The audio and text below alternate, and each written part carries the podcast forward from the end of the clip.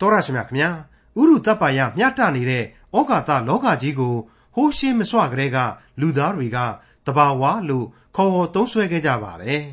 အဲ့ဒီလိုဥရုတပ်ပါယမျှတနေတဲ့ဩကာသလောကကြီးဟာတခါတရံတော့ကြပြောင်းကြပြန်ဖောက်ပြန်တတ်တာကိုလည်းတဘာဝကြောင့်လို့ပြောကြပြန်ပါတယ်အဲ့ဒီတဘာဝဆိုတာအထိတ်အကွမရှိကောင်းကျင်တဲ့အချိန်မှာကောင်းတယ်လို့ဖောက်ပြန်ခြင်းတဲ့အချိန်မှာဖောက်ပြန်တတ်တဲ့လား အဲ့ဒီသဘာဝသဘောကိုစောကြောလိလာစရာတွေအမြောက်အများပါရှိတဲ့ခရိယန်တမန်ကျမ်းဓမ္မောင်းကျမ်းပိုင်းတွေက104ခုမြောက်သောဆာလံကျမ်း105ခုမြောက်သောဆာလံကျမ်းနဲ့106ခုမြောက်သောဆာလံကျမ်းတွေကိုဒီကနေ့တင်ပြရသောတမန်ကျမ်းအစီအစဉ်မှာလေ့လာမှာဖြစ်ပါတယ်။အဲ့ဒီတဘာဝဆိုတာအထင်အကိုရှိသလားမရှိဘူးလားတဘာဝဆိုတာရှိရင်ဖျားဆိုတာရောရှိရဲ့လားတဘာဝနဲ့ဖျား ဘယ်လိုဆက်နွယ်ဆက်ဆက်မှုတွေရှိနေသလဲစတဲ့အကြောင်းတွေကို လေ့လာသိရှိရမှာဖြစ်တဲ့104ခု105ခုနဲ့106ခုမြောက်သောဆာလံကျမ်းတွေကိုဒေါက်တာထွန်းမြတ်အေးကအခုလိုလေ့လာသုံးသပ်ရှင်းလင်းဖော်ပြမှာဖြစ်ပါတယ်။တင်သိရသောသမာကျမ်းရဲ့မိတ်ဆွေတော်တတ်ရှင်အပေါင်းတို့ခမညာဒီကနေ့ဒီအချိန်မှာတော့104ခုမြောက်သောဆာလံတည်ခြင်းရဲ့သင်ခန်းစာတွေကိုကျွန်တော်ဆက်လက်လေ့လာသွားကြရမှာဖြစ်ပါတယ်။ဒီဆာလံတည်ခြင်းကတော့ praise to the God of creation သို့မဟုတ်ဖန်ဆင်းတော်မူသောအဖဖျားသခင်အတွက်ဂါရဝပြုခြင်းလို့ဆိုရမယ့်ဆာလံဖြစ်ပါတယ်။တရား၄ခုမြောက်သောဆာလံအငယ်၁အိုငါဝိညာဉ်ထာဝရဘုရားကိုကောင်းကြီးပေးလော့အကျွန်ုပ်ဤဘုရားသခင်ထာဝရဘုရားကိုတော်သည်အလွန်ကြီးမြတ်တော်မူ၏ဘုံတကူအာနုဘော်နှင့်တစားဆင်တော်မူ၏ ညင်းနိုင်လို့ရှိရင်ညင်းပါတော့လို့ပဲဆိုရတော့မယ်ထင်ပါတယ်ကမ္ဘာလောကကြီးဟာသူ့ဖာသာသူဖြစ်တယ်ဆိုတဲ့သိပ္ပံသမားတွေအတွက်ကတော့အရှိုက်ကိုလက်သီးနဲ့ထိုးလိုက်တယ်လို့ဏိဒန်းပြိုးလိုက်တယ် ਨੇ အတူတူပဲလို့ကျွန်တော်ဆိုချင်ပါတယ်စိန်ခေါ်သံလို့လည်းပြောခြင်းပြောနိုင်ပါလိမ့်မယ်ကမ္ဘာစัจ java လာအရာရာတို့ဟာဘုံတကူအာနုဘော်တော်နှင့်တစားဆင်ထားတော်မူတယ်တဲ့ဒါဝိမင်းကြီးကတော့အဲ့ဒီအတိုင်းပဲပြက်ပြက်သားသားအဆိုတင်လိုက်ပါတယ် ကျွန်တော်ဘာမှအသေးစိတ်ဖော်ပြမနေကျင်တော့ပါဘူးကိုနားနဲ့ကိုရဲ့နှလုံးခုန်တန်ကလေးကိုသာမျက်စိမှိတ်နားဆွင့်ရင်းနဲ့အခုဒါဝိဒ်မင်းကြီးဖော်ပြလိုက်တဲ့အိုငါဝိညာဉ်ထာဝရဘုရားကိုကောင်းကြီးပေးလော့အကျွန်ုပ်၏ဘုရားသခင်ထာဝရဘုရားကိုတော်သည်အလွန်ကြီးမြတ်တော်မူ၏ဘုံတကူအာနုဘော်နှင့်တစားဆင်တော်မူ၏ဆရာဟာကို့အပေါ်မှာပင်လျင်အကျိုးသက်ရောက်သောသစ္စာတရားဟုတ်မဟုတ်ကို အဖြေထုတ်ပြီးတော့ကြည့်စေချင်ပါ रे အငယ်1မှ6အဝတ်နှင့်ခြုံတကဲ့သို့အလင်းနှင့်ကိုတော်ကိုခြုံတော်မူထသောမိုးကောင်းကင်မျက်နှာကျက်ကဲ့သို့ကြက်တော်မူထသော နေတော်မူရာအထက်ခန်းအမြင့်ကိုရေ၌တည်တော်မူထသော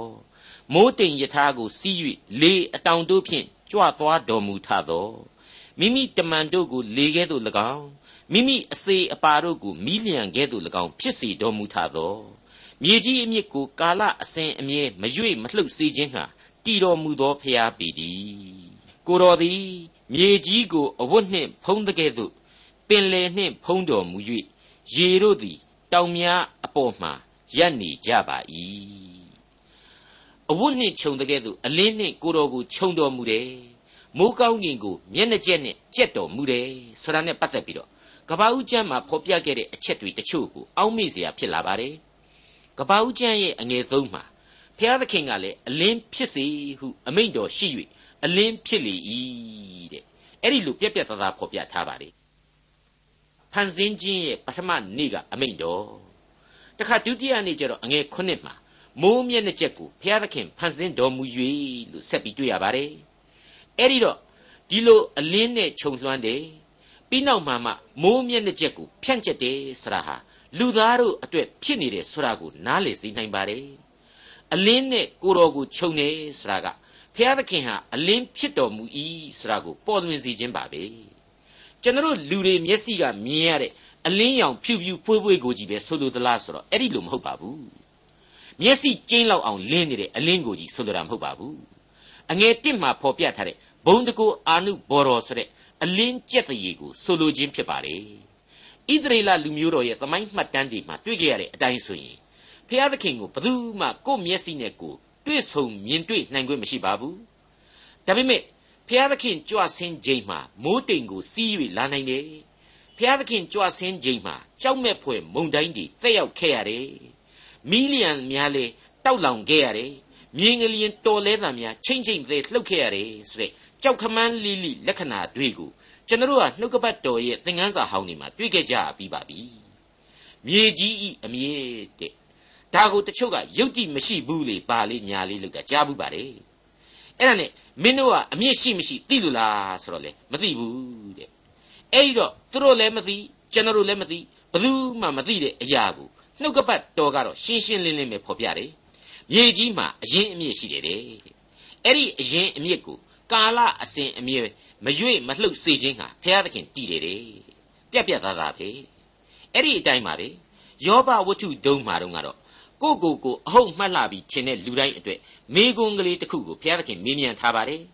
အလွန်ရှင်းလင်းလှတဲ့မိဂုံလေးပါယောဘဝတ္ထုအခန်းကြီး38အငယ်1မှ6ထိုအခါထာဝရဘုရားသည်ယောဘစကားကိုလှန်ပြန်၍မိုးသက်မုန်တိုင်းတဲကမိန့်တော်မူသည်ကားပညာမရှိဘဲစကားပြောကမျှနှင့် ငါအကြံကိုမိုက်စေသောဤသူကအဘယ်သူနည်းလူယောက်ျားကဲ့သို့သင်ခါကိုစီးလော့ငါမေးမြန်းသောပြဿနာတို့ကိုဖြေလော့မြေကြီးအမြစ်ကိုငါတီသောအခါသင်သည်အဘယ်မှရှိသနည်းနားလေလျင်ဖော်ပြလော့မြေကြီးအတိုင်းအရှိပမာဏကိုအဘယ်သူစီရင်သနည်းနားလေလျင်ပြောလော့မြင်းကြိုးကိုအဘယ်သူတန်း၍ချသနည်းမြေကြီးတိုက်မြစ်ကိုအဘယ်အရ၌စွဲစေသနည်းတဲ့ပြက်ပြက်ပဲ ဖြေနိုင်ရင်ဖြေတဲ့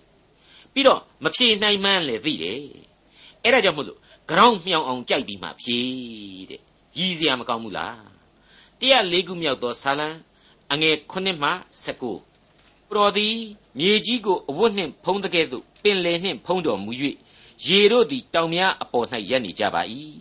တဖန်ဆုံးမတော်မူ၍သူတို့သည်ပြေးကြပါ၏မိုးချုံတော်မူသံကိုကြား၍အလျင်အမြန်ပြန်သွားကြပါ၏ တောင်တို့သည်တက်လျက်ဂျိုင်းတို့သည်ဆင်းလျက်သူတို့ဘို့ခွဲကန့်တော်မူသောအရတ်သို့ရောက်ကြပါ၏ရေတို့သည်ပြန်လာ၍မြေကြီးကိုမလွှမ်းမမိုးစေခြင်းဟာမကြော်ရသောနေဇက်ကိုပိုင်းခြားတော်မူ၏အဝေယဖျားသည်ကြိုင်များတဲ့သို့စမ်းရည်တို့ကိုလွှတ်တော်မူ၍ရေသည်တောင်တို့တွင်စီးလျက်မြေတိရစ္ဆာန်အပေါင်းတို့အားသောက်ရသောအခွင့်ကိုပေး၏မြင်းရိုင်းတို့သည်အငတ်ပြေရကြ၏ ထိုရေအနားမှမိုးကောင်းကင်ငှက်တို့သည်နေရာကျ၍သစ်ပင်အခက်အလက်တို့တွင်ကြွေးကြော်ကြ၏အထက်ခန်းတော်တဲကတောင်များကိုရေပေးတော်မူ၏စီရင်ပြုပြင်တော်မူခြင်းအကျိုးကြောင့်မြေကြီးသည်ရောင်ရဲလျက်ရှိ၏တရိษံဖို့မြက်ပင်ကို၎င်းလူသုံးဖို့စပားပင်ကို၎င်းပေါက်စီတော်မူသဖြင့်မြေကြီးတဲကမုံကိုထုတ်ဖော်တော်မူ၏စပြည့်ရည်သည်လည်းလူတို့ကိုရှင်လန်းစေ၏စီအားဖြင့်လည်းသူတို့မျက်နှာကိုပြောင်စေတော်မူ၏ မုံသည်လည်းသူတို့နှလုံးကိုထောက်မှ၏ထာဝရဘုရား၏သစ်ပင်စိုက်တော်မူသောလေပနုံအာရစ်ပင်တို့သည်လည်းရောင်ရဲလျက်ရှိကြ၏ထိုအပင်တို့၌ငှက်တို့သည်အဖိုက်လုတ်တတ်ကြ၏ထင်းယူပင်တို့၌တောငန်းတို့သည်နေရာကျတတ်ကြ၏မြင်သောတောင်တို့သည်တောဆိတ်များမိခိုရာကြောက်တို့သည်ရှာဖန်ယုံများမိခိုရာဖြစ်ကြ၏ချင်းချက်သောအချိန်ပုလကိုဖန်ဆင်းတော်မူပြီးနေသည်လည်းမိမိဝင်ရသောအချိန်ကိုသိ၏ ဖန်ဆင်းတော်မူခြင်းအကြောင်းတွေကိုပြန်ပြီးတော့ကြည့်လိုက်ပါရှင်းနေအောင်လို့တွေ့ရပါလိမ့်မယ်အထူးသဖြင့်နေနဲ့လတို့အဖြစ်ယာသီကာလတွေကိုဖြစ်စေတယ်ဆိုတာကိုကဘာဦးလူသားတို့ကိုသိခွင့်ပေးခဲ့တာဟာအံ့ဩစရာအလွန်ကောင်းပါလေကဘာဦးကျမ်းအခန်းကြီး1အငယ်14မှာပြန်ကြည့်ရင်တဖန်ဘုရားသခင်ကနေ့နေ့ညကိုပိုင်းခြားစေခြင်းဟာမိုးကောင်းကင်မျက်နှာကျက်၌အလင်းအိမ်တီးစေနမိတ်လက္ခဏာချင်းချက်သောအချိန် နေ့ရဲ့အပိုင်းအခြားနှစ်အပိုင်းအခြားဖို့ဖြစ်စေတဲ့ရှင်းမနေဘူးလားအဲ့ဒီထဲကချင်းချက်သောအချိန်ဆိုတာအင်္ဂလိပ်ကျမ်းစာအရ seasons လို့ခေါ်ထားတာကိုတွေ့ရပါတယ်မတူညီသောယာသီဥရုများဆိုတဲ့အချက်ပေါ့ကဲဒီတော့အဲ့ဒီနေမင်းကြီးကြောင့်ယာသီဥဒုတွေဖြစ်ပေါ်လာရတယ်ဆိုတာအခုခေတ်သိပ္ပံပညာရှင်ဘယ်ပညာရှင်ညင်းနိုင်လို့တော့တရား၄ခုမြောက်သောဇာလံအငယ်20မှ24အထိ ကိုတော်သည်မှောင်မိုက်ကိုစီရင်တော်မူ၍ညဖြစ်ပါ၏ထိုအခါတောတရိษံအပေါင်းတို့သည်တွားလျက်ထွက်တတ်ကြပါ၏ရှင်သေးပြိုတို့သည်လူရဲ့ချင်းအလွန်ငါဟောက်၍ဘုရားသခင်အထံမှအစာကိုရှာကြပါ၏တဖန်နေထွက်ပြန်လျင်သူတို့သည်ဆုတ်သွား၍နေမြဲတွင်းတို့၌အိပ်နေကြပါ၏လူသည်လည်းလှုပ်ဆောင်ပြုမှုခြင်းဟာညာဥတိုင်အောင်ထွက်သွားပါ၏အိုးထာဝရဖျားကိုတော်စီရင်ပြုပြင်တော်မူသောအရာတို့သည်အလွန်များပြားပါ၏ ရှိရှိသမျှတို့ကိုပညာတော်အားဖြင့်ဖန်ဆင်းတော်မူ၏မြေကြီးသည်ဗန္တာတော်နှင့်ကြွယ်ဝပါ၏အဲဖန်ဆင်းတော်မူတယ်ဆိုတာအလကားသဘာဝအတိုင်းကဘာကြီးဖြစ်ပေါ်လာတယ်ဆိုတဲ့သိပ္ပံဆရာကြီးတွေအတွေ့အခေါ်ပညာရှင်ကြီးတွေမိษွေကြီးအပေါင်းတို့ရဲ့ဒီသဘာဝဆရာဟာဘုရားသခင်လက်တော်ကထွက်လာတဲ့သဘာဝအဲ့ဒီသဘာဝကိုတစ်ချက်လောက်လှည့်လိုက်တဲ့ အကုန်လုံးကြပြောင်းကြပြန်ဖြစ်သွားလိမ့်မယ်ဆိုတာကိုမိษွေကြီးတို့မစင်စားနိုင်ကြဘူးလားကျွန်တော်ကတော့ဒီနေရာမှာဒီအတိုင်းပဲမေးချင်ပါတယ်အခုတော့အဲ့ဒီသဘာဝဟာဝပဲဝနိုင်လွန်းတယ်အကုန်လုံးသတ်ပါရမျှတတဲ့ဩကာသလောကကြီးကိုလှလှပပကြီးဖြစ်ပေါ်နေစေတယ်ဆိုတာဟာရှင်းနေပြီမဟုတ်ဘူးလားတရား၄ခုမြောက်သောဆာလံအငယ်25မှ28 မရေတွက်နိုင်အောင်တွားရသောတိရစ္ဆာန်အစရှိသောတိရစ္ဆာန်အကြီးအငယ်အများတို့နေရာကြီးမားကျယ်ဝန်းသောသမုဒ္ဒရာလည်းရှိပါသေး၏ထိုအရ၌သင်္ဘောတို့သည်တွာလာကြပါ၏ထိုအရ၌ကွန်မြူးစေခြင်းဟာဖန်ဆင်းတော်မူသောငါးကြီးလဝိသန်လည်းရှိပါ၏ထိုသို့သောတရိษံအပေါင်းတို့သည်အချိန်တန်လျင်အစာကျွေးတော်မူစေခြင်းဟာကိုတော်ကိုမျှော်လင့်လျက်နေကြပါ၏ကိုတော်ချထားတော်မူသည့်အတိုင်းသူတို့သည်သိမ့်ယူကြပါ၏ လက်တော်ကိုဖွင့်တော်မူသောအဖြစ်သူတို့သည်ကောင်းသောအရာနှင့်ရောင်ရဲကြပါ၏အင်မတန်အဆင့်မြင့်ပါတယ်ဆိုတဲ့လူဝင်ကြီးတွေညံကောင်းလှပါတယ်ဆိုတဲ့ခွေးကြီးတွေကမ္ဘာသမိုင်းမှာနှစ်ပေါင်းထောင်ချီကြာမြင့်ခဲ့ပြီအဲ့ဒီအဆင့်မြင့်ပါတယ်ဆိုတဲ့တတ္တဝါတွေဘယ်နှကောင်များကျွန်တော်ရှက်ပါတယ်ခမညာကျွန်တော်ကိုဘောင်းမီလေးဝတ်ပေးပါခမညာဆိုပြီးတော့တိုးတက်လာတာကြားဘူးတလေအတိတ်ကာလကအမဲယူဝါခဲ့တယ် အခုလည်းပဲအမဲယူပဲဝါနေစေပဲမဟုတ်ဘူးလားအတိတ်ကာလတုန်းကမြက်စားခဲ့တယ်အခုလည်းမြက်ပဲစားနေတော့မေဟုတ်တယ်သတ္တလောကတိရစ္ဆာန်လောကဟာအစဉ်တိရစ္ဆာန်ပဲမနုဿလူသားဟာအစဉ်မနုဿလူသားပဲအခုဆာလံမှာဆိုရင်ရေပြင်သမုတ်တရားရဲ့ကျယ်ဝန်းမှုနဲ့အံ့ဩပွေသောရေလောကရဲ့အကြောင်းကိုဖော်ပြထားပါတယ်ဒါတွေကိုအခုဆာလံဆရာဒါဝိဒ်မင်းကြီးဘယ်လိုရေးနိုင်သလဲလို့ကျွန်တော်တော့အံ့ဩစွာနဲ့တွေးမိပါတယ် အဖြေကတော့တန်ရှင်းသောဝိညာဉ်တော်ဤလမ်းပြခြင်းကြောင့်သူဒီဆာလံတီချင်းကိုအခုလိုရေးနိုင်ခြင်းပဲမြေထဲပင်လေဆိုတဲ့ကမ်းခြေကိုခြေချင်းလျှောက်မယ်ဆိုရင်အ ਨੇ ဆုံးတစ်ပတ်လောက်ကြာတဲ့အထိလျှောက်ရမယ်ယေရုရှလင်မြို့တော်ကနေသွားမယ်ခရီးစဉ်ကြီးမှာမြို့တော်မှာနန်းတော်ကြီးမှာစမ်းနေတဲ့ဘုရင်ကြီးဒါဝိဒ်ရဲ့ရာဇဝင်မှာပင်လေတဲကိုသွားတယ်ဆိုတဲ့မှတ်တမ်းဘယ်နေရာမှမှကျွန်တော်တို့မတွေ့ရပါဘူးဓမ္မရာဇဝင်တွေထဲမှာပြန်ကြည့်လေမိษွေတို့လည်းဘယ်မှမှတွေ့ရမှာမဟုတ်ဘူး ဒီဆာလံတီချင်းဒီအန္တဝါရေပြင်အကြောင်းတွေကိုရေးဖို့ဆိုပြီးတော့လေဘယင်ကြီးတံမဲရဲ့နဲ့ရေကူးဝတ်စုံဝတ်ပြီးတော့ပင်လယ်အောက်ကိုဆင်းရမှာလည်းမဟုတ်ပါဘူးအခုတော့အသေးစိတ်ရေးပြထားနိုင်တယ်ကဘာဦးကျမ်းအခန်းကြီး1အငယ်20မှာဖန်ဆင်းတော်မူခြင်းနဲ့ပတ်သက်ပြီးတော့တဖန်ဘုရားသခင်ကအသက်ရှင်၍လှုပ်ရှားတတ်သောတိရစ္ဆာန်တို့ကိုရေပြီးများပြားစွာမွေးဖွားစေငှက်တို့လည်းမြေပေါ်မိုးကောင်းကင်မျက်နှာကျက်ပြင်းဝဲပြန်စေဟုအမိန့်တော်ရှိ၏ အဲ့ဒီလိုပြက်ပြက်သားသားပဲဖန်ဆင်းတော်မူခြင်းအကြောင်းကိုတွေ့ရပါတယ်ဟုတ်ပါတယ်ဘုရားသခင်ကနေပြီးတော့များပြားစွာမွေးဖွားစေဆိုပြီးတော့အမိန့်ချခဲ့တယ်ငါတလောက်ဥတလုံးပါလေအကောင်ပေါက်နိုင်တဲ့ဥငယ်ပေါင်းဘယ်နှဥပါဝင်တယ်ဆိုတာကိုမိษွေတို့ရည်နိုင်ရင်ရည်ကြည့်ကြပါဥမကုံခင်မှာလူသာသေးခြင်းသေးသွားမယ်အတိအကျအဖြေထွက်ဖို့ကတော့အတော်ကြီးခက်ပါလိမ့်မယ်အဲ့ဒီလိုဘုရားသခင်ဖန်ဆင်းတော်မူသောတတ္တလောကဟာ ကောင်းသောအရာနှင့်ရောင်ရဲတယ်ဆိုတာကိုဒါဝိမင်းကြီးတမင်ဖော်ပြလိုက်တယ်။ဘာဖြစ်လို့လဲဆိုတော့သူအပါအဝင်လူသတ္တဝါကတော့ကောင်းသောအရာတို့ဒီလောက်ကြွယ်ဝပြည့်စုံနေတဲ့ကြားတွေကမရောက်ရဲနိုင်ဘူးဆိုတာကိုသိလို့ပဲမရှင်းဘူးလား။သတ္တလောကကတိရစ္ဆာန်တွေဟာကောင်းသောအရာနှင့်ရောင်ရဲကြတယ်။သို့ပေမဲ့ကျွန်တော်လူသားကတော့ကောင်းသောအရာတွေကြွယ်ဝပြည့်စုံနေတဲ့ကြားတွေကမရောက်ရဲနိုင်ပါဘူးဖျားသခင်ဆိုပြီးတော့ဖော်ပြလိုက်တာပဲ မိတ်ဆွေအပေါင်းတို့ဘုရားသခင်ပေးထားတဲ့စွန့်ပကားတတ္တိရှိသမျှနဲ့အခြားရုပ်ဘဝတိုးတက်မှုအတွက်မရောက်မရဲကြိုးစားအားထုတ်ကြတာဟာကောင်းပါလေအားထုတ်ကြတာပေါ့တီထွင်ဖန်တီးကြတာပေါ့လူသားပဲမဟုတ်ဘူးလားဒါပေမဲ့ဝိညာဉ်ရေးစုကျေးဇူးဖြစ်တဲ့ကယ်တင်ခြင်းတရားကိုတော့ထော်လော်ကန့်လန့်လို့မရောက်မရဲနိုင်ပဲနဲ့ကိုမမီနိုင်တဲ့ဘုရားသခင်ကိုပါပွားပြီးတော့တော်လှန်ခြင်းမျိုးတော့သီးခံကြပါလို့တိုက်တွန်းလိုက်ပါတယ်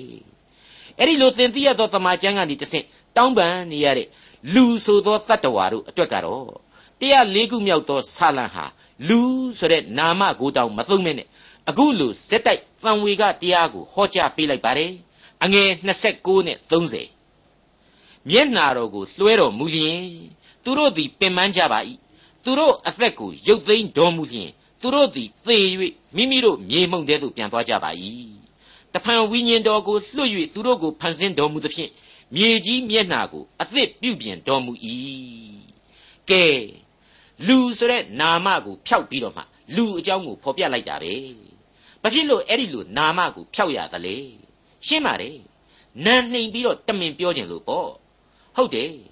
အဲ့ဒီလူကိုဝိညာဉ်တော်မှုတ်သွင်းပြီးတော့ဖန်ဆင်းပြီးတော့မြေကြီးအသစ်ကိုပြုပြင်ပေးခဲ့တယ်ဒါပေမဲ့သူတို့ဟာအပြစ်တရားကြောင့်အလွန်ပင်ပန်းတဲ့လောကရန်ဆင်းရဲကိုခံယူရတယ် အချိန်တန်တော့မြေကြီးတဲ့ကိုပြန်ရောက်ရစမြဲပဲတဲ့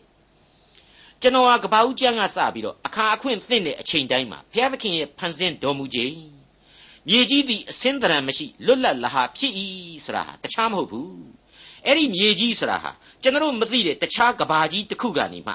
ဖြစ်စည်းခြင်းခံထားရလို့အယုတ်ဆိုးအကြီးတန်နေတာဖြစ်နိုင်တယ် ဒါကိုအစင်းတရံမရှိဘူးပြက်စီးနေတယ်လွတ်ချင်နိုင်လွတ်ပြီးတော့လက်ချင်နိုင်လက်နေတာဖြစ်နိုင်တယ်ဒါကြောင့်မလို့လွတ်လပ်လဟာဆိုပြီးတော့ဖော်ပြထားခြင်းဖြစ်လိမ့်မယ်ဆိုပြီးတော့ကျွန်တော်တင်ပြခဲ့ပါတယ်အခုတွေ့ရပြီအဲ့ဒီလူသားကိုဝိညာဉ်တော်နဲ့ဖန်ဆင်းပြီးတော့မြေကြီးမျက်နှာပြင်အသစ်သို့မဟုတ်ကဘာသစ်ကိုဖြစ်စေခဲ့တယ်လို့ဆိုထားပါလားအဲ့ဒီတော့ဒီကဘာသစ်မတိုင်ခင်မှာတခြားကဘာရှိရင်ရှိမှာပေါ့ရှင်းနေပြီလေဒါပေမဲ့အဲ့ဒီလူသားဟာအ ပြစ်တရားကိုခံယူပြီးတော့အပြစ်လောကရန်စီရင်ခြင်းနဲ့အညီမြေကြီးတဲကိုဝန်းနေပွေပြန်လေရောက်ရှိသွားရလိမ့်မယ်တဲ့ကဲဝိညာဉ်တော်နဲ့သာဒီလူကိုဘုရားသခင်မဖန်ဆင်းဘူးဆိုရင်လူဟာတရိษံနဲ့ဘာများထူအောင်မှာတော့ရှင်းနေပြီနော်အခုတော့အဲ့ဒီလိုအပြစ်များလှစွာနဲ့သေပွဲဝင်ရစမြဲသောလူသားဟာဝိညာဉ်တော်နဲ့လူဖြစ်လာရတယ်အဲ့ဒါကြောင့်မို့လို့သူ့ကိုဖန်ဆင်းတော်မူခြင်းအကြောင်းဟာ တခမ်းတနာဆက်လက်စဉ်းစားဖို့ဖြစ်လာရပါတယ်တရားလေးခုမြောက်သောဆာလံအငယ်31မှ35ထာဝရဘုရား၏ဘုံတော်သည်နေဆအမြဲတည်၏ထာဝရဘုရားသည်မိမိအမှုတော်တို့တွင်ဝမ်းမြောက်တော်မူ၏မြေကြီးကိုကြည့်ရှုတော်မူ၍သူသည်တုန်လှုပ်တတ်၏တောင်တို့ကိုတို့တော်မူ၍သူတို့သည်မိကိုထွက်တတ်ကြ၏ငါသည်အသက်ရှင်စဉ်ထာဝရဘုရားကိုတည်ခြင်းဆိုမည်ငါဖြစ်သည့်ကာလပတ်လုံးငါ၏ဘုရားသခင်ကိုထောမနာတည်ခြင်းဆိုမည် ငါဥဒန်းကျူးခြင်းအသံသည်ညှစ်သက်တော်မူပွဲဖြစ်၍ထာဝရဘုရား၌ငါရှင်လန်းလိမ့်မည်ပြစ်မှားသောသူတို့ကိုမြေကြီးမှသုတ်သင်ပယ်ရှင်း၍မတရားသောသူတို့သည်နောက်တဖန်မဖြစ်ရကြ။အိုငါဝိညာဉ်ထာဝရဘုရားကိုကောင်းကြီးပေးလော့ဟာလေလုယာအဲ့ဒီလိုဖန်ဆင်းကံလူတ attva ဟာအပြစ်မှောင်မိုက်ရိပ်အောက်ကိုတိုးဝင်ခဲ့ရကနေပြီးတော့အပြက်လန်းရဲ့အသက်လန်းရဲ့နှစ်သွယ်သောလမ်းကြောင်းအတိုင်းလျှောက်သွားကြရတယ် ကယ်တင်ရှင်ကျေးဇူးတော်ရဲ့ဖြောင့်မတ်သောတရားစီရင်ခြင်းရဲ့အဲ့ဒီအချက်တွေဟာဆင့်ကဲဆင့်ကဲဖြစ်တည်လာကြရတယ်ဆာလံတီချင်းတို့အစကတည်းကစာရန်ဘက်မှရပ်တည်ပြီးတော့မတရားသောလူအဖြစ်မြေကြီးစီကိုပြန်ကျင်သလားလေတိုက်၍လွင့်သောဖွဲကဲ့သို့ဖြစ်ချင်သလားခရစ်တော်အားဖြင့်မင်္ဂလာရှိသောသူလို့ပြုလေသမျှတို့၌အောင်မြင်ခြင်းသလားအဲ့ဒီအချက်တွေကိုကျွန်တော်တို့ကိုမိကွန်းထုတ်ခဲ့ပြီးပြီ ဆာလံတစ်ဟာစောကြောခဲ့ပြီးပြီသတိပေးခဲ့ပြီးပြီဒီဆာလံတီချင်းအဖြစ်ကိုရွေးချယ်ရမယ့်လမ်းကိုမိษွေတို့ရွေးချယ်နိုင်ကြပါစေလို့ကျွန်တော်အခုအပိုင်းမှာဆုတောင်းပေးလိုက်ပါတယ်အခုအချိန်မှာတော့ကျွန်တော်တို့104ခုမြောက်သောဆာလံသင်ခန်းစာများကနေပြီးတော့105ခုမြောက်သောဆာလံနဲ့106ခုမြောက်သောဆာလံတို့ကိုပေါင်းစည်းလေ့လာဖို့ရှိနေပါတယ်ဒီ105ခုမြောက်နဲ့106ခုမြောက်သောဆာလံတည်ခြင်းတို့ဟာသမိုင်းအခြေခံကျမ်းဆာလံများဖြစ်တယ် ဒါဝိမင်းကြီးကိုယ်တိုင်ရေးသားခဲ့တယ်လို့ကျွန်တော်ပြောချင်ပါတယ်အခု105ခုမြောက်သောဆာလံရဲ့ပထမအပိုင်းတွေဟာဆိုရင်ရာဇဝင်ကျုပ်ပထမစာဆောင်အခန်းကြီး16အငယ်8ကနေ22အတွင်းကအကြောင်းတွေကိုအခြေခံဖော်ပြထားပါတယ်ယေရုရှလင်မြို့တော်ကြီးစီကဆောက်လုပ်ထားတဲ့တန်ရှင်းရာတဲတော်စီကိုဘုရားသခင်ရဲ့ဗြိညင်တက်တာတော်ကြီးကိုဆောင်ယူလာတဲ့အချိန်မှာစတ်ဆူခဲ့တဲ့တေးသချင်းပဲဖြစ်တယ်လို့ကျွန်တော်အတိတ်ပဲဖော်ခြင်းပါတယ် အဲ့ဒီရာဇဝင်ကျုပ်ပထမစာဆောင်အခန်းကြီး16အငယ်8မှ12အတွင်းကိုလည်းဖတ်ရှုကြည့်ပါပြီးတော့ဒီဆာလံတီချင်းများကိုလည်းပြန်လည်ဖတ်ရှုရင်းနဲ့ဒါဝိမင်းကြီးနဲ့အတူဘုရားသခင်ပြုတော်မူသောအတိတ်ကာလကျေးဇူးတော်များအကြောင်းကိုစစဉ်းစားနားလေနှိုင်ကြပါစေလို့ကျွန်တော်တိုက်တွန်းအားပေးခြင်းပါတယ်105ခုမြောက်သောဆာလံအငယ်1မှ9ထာဝရဘုရား၏ဂုံကျေးဇူးတော်ကိုချီးမွမ်းကြလော့နာမတော်ကိုပတနာပြုကြလော့ အမှုတော်တို့ကိုလူများတို့အားပြသကြလော့ထာဝရဘုရားကိုတည်ခြင်းဆိုကြလော့ဆာလံတည်ခြင်းကိုဆိုကြလော့အံပွေသောအမှုတော်အပေါင်းတို့ကိုဟောပြောကြလော့တန်ရှင်းသောနာမတော်၌ဝါကြွားဝမ်းမြောက်ကြလော့ထာဝရဘုရားကိုရှာသောသူတို့သည်စိတ်နှလုံးရှင်လန်းကြစေ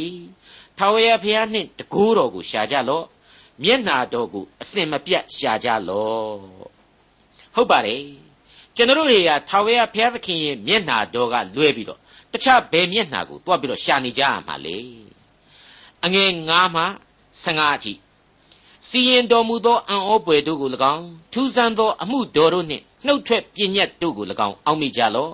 ထာဝရဘုရား၏ကျွန်အာဗြဟံအမျိုးရွေးကောက်တော်မူသောယာကုပ်အနွယ်တို့ကိုတော်မြတ်ထာဝရဘုရားသည်ငါတို့ဘုရားသခင်ဖြစ်တော်မူ၏မြေကြီးတစ်ပြင်လုံး၌တရားစီရင်ပိုင်တော်မူ၏ ငါသည်သင်တို့အမွေခံရဖို့ခါနန်ပြည်ကိုသင်၌ပေးမည်ဟုငါတို့အမျိုးသည်အရေးအတွက်အဖြစ်မများအလွန်နည်း၍ထိုပြည်၌ဧည့်သည်ဖြစ်လျက်နေသောအခါအာဗြဟံ၌ဂရိထား၍ဣဇက်၌ကျိန်ဆိုတော်မူလျက်ယာကုပ်၌မြဲမြံသောတရားဣသရေလ၌နေဆထာဝရဗြိညင်ဖြစ်စေခြင်းဟာလူမျိုးအဆက်တထောင်တိုင်အောင်မိမ့်မွက်တော်မူသောနှုတ်ကပတ်ဒီဟုသောဝန်ခံခြင်းတရားတော်ကိုအစဉ်အမြဲအောက်မေ့တော်မူ၏ သူတို့သည်တမျိုးမှတမျိုးသို့၎င်းတနိုင်ငံမှတနိုင်ငံသို့၎င်းလှည့်လည်၍သွားကြသောအခါသူတို့ကိုညှင်းဆဲစေခြင်းဟာအဘယ်သူအားမျှအခွင့်ပေးတော်မမူသူတို့အတွက်လည်းရှင်ဘရင်တို့ကိုဆုံးမလျက်ငါထံ၌ဘိသိက်ခံသောသူတို့ကိုမထိမခိုက်ကြနှင့်ငါဤပရောဖက်တို့ကိုအပြစ်မပြုနှင့်ဟုမိန့်တော်မူ၏ဟုတ်ပါတယ်အတိတ်ကာလတလျှောက်လုံးဘိုးဘေးတို့၌ပြုခဲ့သောဗြိညင်များအကြောင်းကိုဦးစားပေးဖော်ပြထားပါတယ် အဲ့ဒီနောက်မှာတော့အေဂုတ်ထုပြည်ကိုယောသခေတ်ကနေရောက်ရှိသွားပုံများကိုပါဆက်လက်ဖော်ပြထားတာကိုတွေ့နိုင်ပါတယ်ဘိုးဘေးတို့ကိုမှားထားပေးခဲ့တဲ့ဗြိညင်တွေကိုဘုရားသခင်ဟာမမေ့ဘူးအေဂုတ်ထုနိုင်ငံရဲ့ကျွန်လောင်းရိပ်အောက်ကနေပြီးတော့လွတ်မြောက်စေခဲ့တယ်ဂရိတော်နဲ့အညီခါနန်ဒေသကိုရောက်ရှိလာပြီးတော့ကျေးဇူးတော်ကိုခံစားခဲ့ရတယ်ဆိုတာတွေကိုဒါဝိမင်းကြီးဟာဆက်လက်ဖော်ပြလိုက်ပါတယ် 105ခုမြောက်သောဆာလံအငယ်38မှ44အဆုံးအထိမိမိလူတို့ကိုရွှေငွေပါလျက်ထုတ်ဆောင်တော်မူ၍သူတို့အစုစု၌အားနေသောသူတယောက်မျှမရှိအေဂုတ်ထုပြည်သည်သူတို့ကိုကြောက်သောကြောင့်သူတို့သည်ထွက်သွားသောအခါတပြည်လုံးဝမ်းမြောက်ကြ၏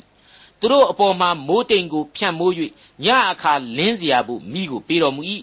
သူတို့သည်တောင်းသောအခါငုံများကိုဆောင်းခဲ့တော်မူ၏သူတို့ကိုကောင်းကင်မုန့်နှင့်ရောင်ရဲစေတော်မူ၏ ကြောက်ကိုလည်းဖွင့်လှစ်တော်မူသဖြင့်ရေသည်ထွက်၍သွေးချောက်သောအရ၌မြစ်ကဲ့သို့စီးသွားလေ၏အကြောင်းမူကားမိမိကျွန်အာဗြဟံ၌ထားခဲ့ဘူးသောတန်ရှင်းသောဂရိတော်ကိုအောက်မေ့တော်မူ၏ရွေးကောက်တော်မူသောမိမိလူတို့ကိုဝမ်းမြောက်ရွှင်လန်းခြင်းနှင့်တကွထုတ်ဆောင်တော်မူ၏သူတို့သည်အထုံးအဖွဲ့တော်တို့အတိုင်းကျင့်၍ပြည့်ညတ်တရားတော်တို့ကိုစောင့်ရှောက်မည်အကြောင်းတပါးမျိုးသားတို့၏မြေကိုပေးတော်မူသဖြင့်သူတို့သည်အခြားသောလူတို့၏အလုတ်ထဲသို့ဝင်စားရကြ၏ဟာလေလုယာ အိဆွေအပေါင်းတို့ခမညာလူသားဟာကိုယ့်အတိတ်ကိုကိုပြန်ပြီးတော့အချိန်ယူစဉ်းစားသင့်တယ်ဆိုတဲ့အချက်ကိုကျွန်တော်အချိန်ချင်းဖော်ပြခဲ့ပါတယ်အဲ့ဒီလိုစဉ်းစားပြီးတော့မျက်ရည်ကျရတာတွေရှိကောင်းရှိမယ်ဝန်းမြောက်ရတာတွေလည်းရှိကောင်းရှိမယ်အတိအကျတော့ဘု து အတိတ်ကိုမှကျွန်တော်မရောက်ဘူးလို့မသိနိုင်တာအမှန်ပါဒါပေမဲ့မျက်ရည်နဲ့အတိတ်ဖြစ်စေရေမောဝမ်းမြောက်ရတဲ့အတိတ်ပဲဖြစ်စေမိษွေတို့ရဲ့တူးချင်းဘယ်အတိတ်သမိုင်းမှာမှ ကျေးဇူးတော်ဆိုတာနဲ့တော့လွတ်ကင်းလိမ့်မယ်လို့ကျွန်တော်အရှင်းမထင်ဘူးဘာကျေးဇူးတော်မှမရှိခဲ့ဘူးလို့များတွေးမိတယ်ဆိုရင်တော့ဒါဟာတခုခုချွေရင်းနေပြီစိတ်ပိုင်းဆိုင်ရာအားနည်းချက်တခုခုဖြစ်နေပြီသွေးရိုးသားရိုးမဟုတ်နိုင်တော့ဘူးလို့ကျွန်တော်ဆိုချင်ပါတယ်ဒီလိုခံယူချက်မျိုးနဲ့ရှေ့ဆက်ရမယ်အသက်တာမျိုးဟာလေထီးနဲ့ဖက်နှက်မပါဘဲနဲ့ဂန္ဓာယာခရီးကိုသွားရတယ်လို့ဖြစ်လိမ့်မယ် လေပြင်းတိုက်လို့မှခိုင်ခိုင်မာမာမရက်တည်နိုင်တဲ့အခြေကိုဆက်ရလိမ့်မယ်လို့ကျွန်တော်ခံယူမိပါတယ်အခုဆိုရင်106ခုမြောက်သောဆာလံသင်ခန်းစာများကိုကျွန်တော်အဆုံးသတ်အဖြစ်ဆက်လက်တင်ပြခြင်းပါတယ်ဒီ106ခုမြောက်သောဆာလံဟာဖြင့်တောလေယာကျမ်းများပေါ်မှာအခြေခံတဲ့ဆာလံတို့ရဲ့သရုတ်ထအပိုင်းအခြားကိုတောလေယာဘဝရဲ့မြင်ကွင်းများနဲ့ဏီကုန်းချုပ်ပေးလိမ့်မယ်လို့ကျွန်တော်ဆိုချင်ပါတယ်106ခုမြောက်သောဆာလံအငယ်1နှင့်6 ထာဝရဘုရားသည်ကောင်းမြတ်တော်မူ၍ဂယုဏတော်အစဉ်အမြဲတည်သောကြောင့်ဂုံကျေးဇူးတော်ကိုချီးမွမ်းကြလော့အကျွန်ုပ်တို့သည်ဘိုးဘေးတို့နှင့်အတူပြစ်မှားကြပါပြီဒုစရိုက်ကိုပြုကြပါပြီမတရားသောအမှုကိုပြုကြပါပြီကောင်းမြတ်တော်မူသောဘုရားသခင်ကိုမကောင်းမမြတ်တဲ့လူသားတို့ဟာအစဉ်အမြဲကျေးဇူးတင်ကြရလိမ့်မယ်ကိုအားနေခြင်းကိုကိုအစဉ်တစိုက်ဝန်ခံပြီးတော့ဘုရားသခင်ရဲ့ဂုဏ်တော်ကို ချီးမွမ်းထောမနာပြုကြရလိမ့်မယ်အဲ့ဒီလိုဖော်ပြလိုက်ခြင်းပါပဲဟုတ်ပါတယ်အကြောင်းရှိနေပါတယ်106ခုမြောက်သောဆာလံအငယ်40မှ48ကိုနားဆင်ကြည့်ကြပါထို့ကြောင့်ထာဝရဘုရားသည်မိမိလူတို့ကိုအမျက်တော်ထွက်၍မိမိအမွေတော်ကိုရွရှာတော်မူ၏သူတို့ကိုတပါးအမျိုးသားတို့လက်သို့အပ်တော်မူသဖြင့်မုံသောသူတို့သည်အုပ်ဆိုးရကြ၏ရန်သူတို့သည်ညှင်းဆဲ၍ သူတို့သည်ရန်သူတို့အောက်မှနှိမ့်ချခြင်းကိုခံရကြ၏သူတို့ကိုကြိမ်ဖန်များစွာကယ်နှုတ်တော်မူတော်လေပုံကန်သောအကြံကိုသာကြံ၍မိမိတို့ဒုစရိုက်အပြစ်ကြောင့်နှိပ်စက်ခြင်းကိုခံရကြ၏တဖန်သူတို့အော်ဟစ်ခြင်းကိုကြားတော်မူလျင်သူတို့၌ဆင်းရဲဒုက္ခကိုကြည့်ရှုသဖြင့်ဝန်ခံခြင်းဂရိတော်တို့ကိုသူတို့အဖို့အောက်မေ့၍ဂယုနာတော်များပြားသည့်အတိုင်းနောင်တရတော်မူ၏ သူတို့ကိုချုပ်ထားသိမ့်သွားသောသူအပေါင်းတို့သည်သနာရကြမည်အကြောင်းပြုတော်မူ၏အကျွန်ုပ်တို့၏ဘုရားသခင်ထာဝရဘုရားတန်ရှင်းသောနာမတော်၏ဂုံကျေးဇူးသည်ကြီးလာပါ၏ဟုအကျွန်ုပ်တို့သည်ဝန်ခံ၍ကိုတော်ကိုချီးမွမ်းခြင်း၌ဝါကြွားဝမ်းမြောက်မည်အကြောင်းအကျွန်ုပ်တို့ကိုကယ်တင်လျက်တပါးမျိုးသားတို့အထက်ကနှုတ်ယူ၍စုသိမ့်တော်မူပါဣသရေလအမျိုး၏ဘုရားသခင်ထာဝရဘုရားသည်ကဘာအဆက်ဆက်မင်္ဂလာရှိတော်မူစေတည်း လူခတ်သိန်းတို့သည် အာမင်ဟုဝန်ခံကြစေဟာလေလုယာကျေးဇူးတင်ပါတယ်မိတ်ဆွေအပေါင်းတို့ခမညာဒေါက်တာထွန်းမြတ်ရေးစီစဉ်တင်ဆက်တဲ့တင်ပြတော်တမချန်းအစီအစဉ်ဖြစ်ပါတယ်နောက်တစ်ချိန်အစီအစဉ်မှာခရိယန်တမချန်းဓမ္မဟောင်းကျမ်းပိုင်းမှာပါရှိတဲ့109ခုမြောက်သောစာလံကျမ်းကိုလေ့လာမှာဖြစ်တဲ့အတွက်စောင့်မျှော်နားဆင်နိုင်ပါတယ်။